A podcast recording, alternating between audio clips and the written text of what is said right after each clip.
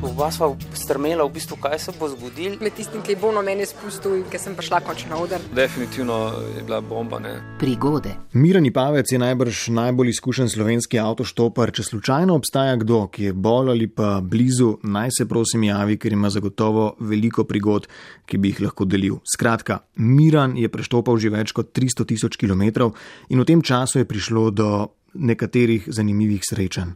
Tri bo opisal v nadaljevanju, najprej pa benzinska črpalka pri Salzburgu. Tam sem rekel, bom nekaj naredil, kar se ne sme, pač stopil sem na avtocesto in takrat si že Danilo, 4 ura, 5 ura in kar naenkrat zagledam avto z goriško registracijo, napis v rokah eh, držim München in maham tam in skačem tam ob cesti ne? in ta, eh, ta eh, modra Honda se je ustavila in kdo je bil noter, moja sodelovka z, z možem in z svakinjo. Enostavno, oni so štartali po noči, ne, v bistvu zgodaj zjutraj in so mene dobili gor.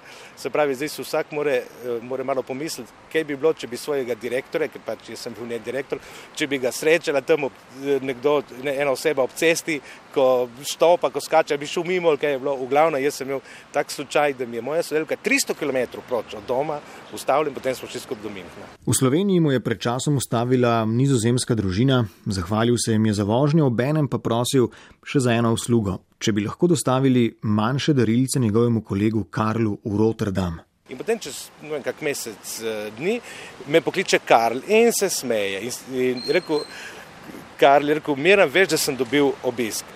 Ja, sem rekel, ja, kdo, kdo ti je obiskal?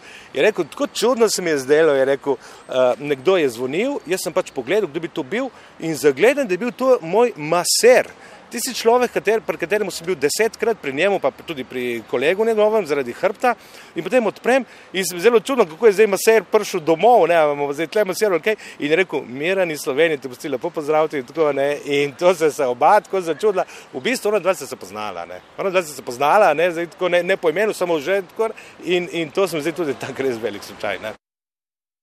Sledi pa še tretja Miranova avtoštoparska zgodba vzel me je na zadnji črpalki pred karavanškim predorom.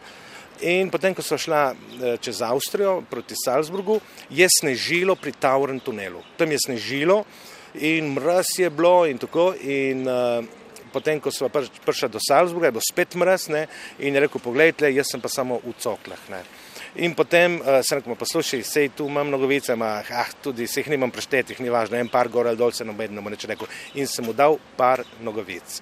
In potem, čez eno leto, ko sem spet štopil gor proti Nemčiji, sem bil tam na isti črpalki ne? in potem mi je rekel, nek šofer, no, mi je rekel, ej ga, a spet štopaš, ne? Sem rekel, ja, ma, mi dva se poznava, ja, ti s meni zadnjič pa štumfe šenkal. V bistvu je bil tisti, šofer, ki sem mu eno leto prej jaz dal nogovice in seveda potem smo šli skup gor, pa smo šli še nekaj popiti in tako. Štiri vozniki tovornjakov so mu ustavili dvakrat in se ga v drugo tudi spomnili. Skoraj vsakdo ima v spominu kakšno zanimivo prigodo, naj bo to avtoštoparska, srednješolska, ko prav danes plešejo dijaki po ulicah, naj se je zgodila na potovanju, v trgovini, na cesti, prigode v stilu, a veš, kaj se mi je zgodilo, sprejemam na nec.jemecaf na rtvslo.si.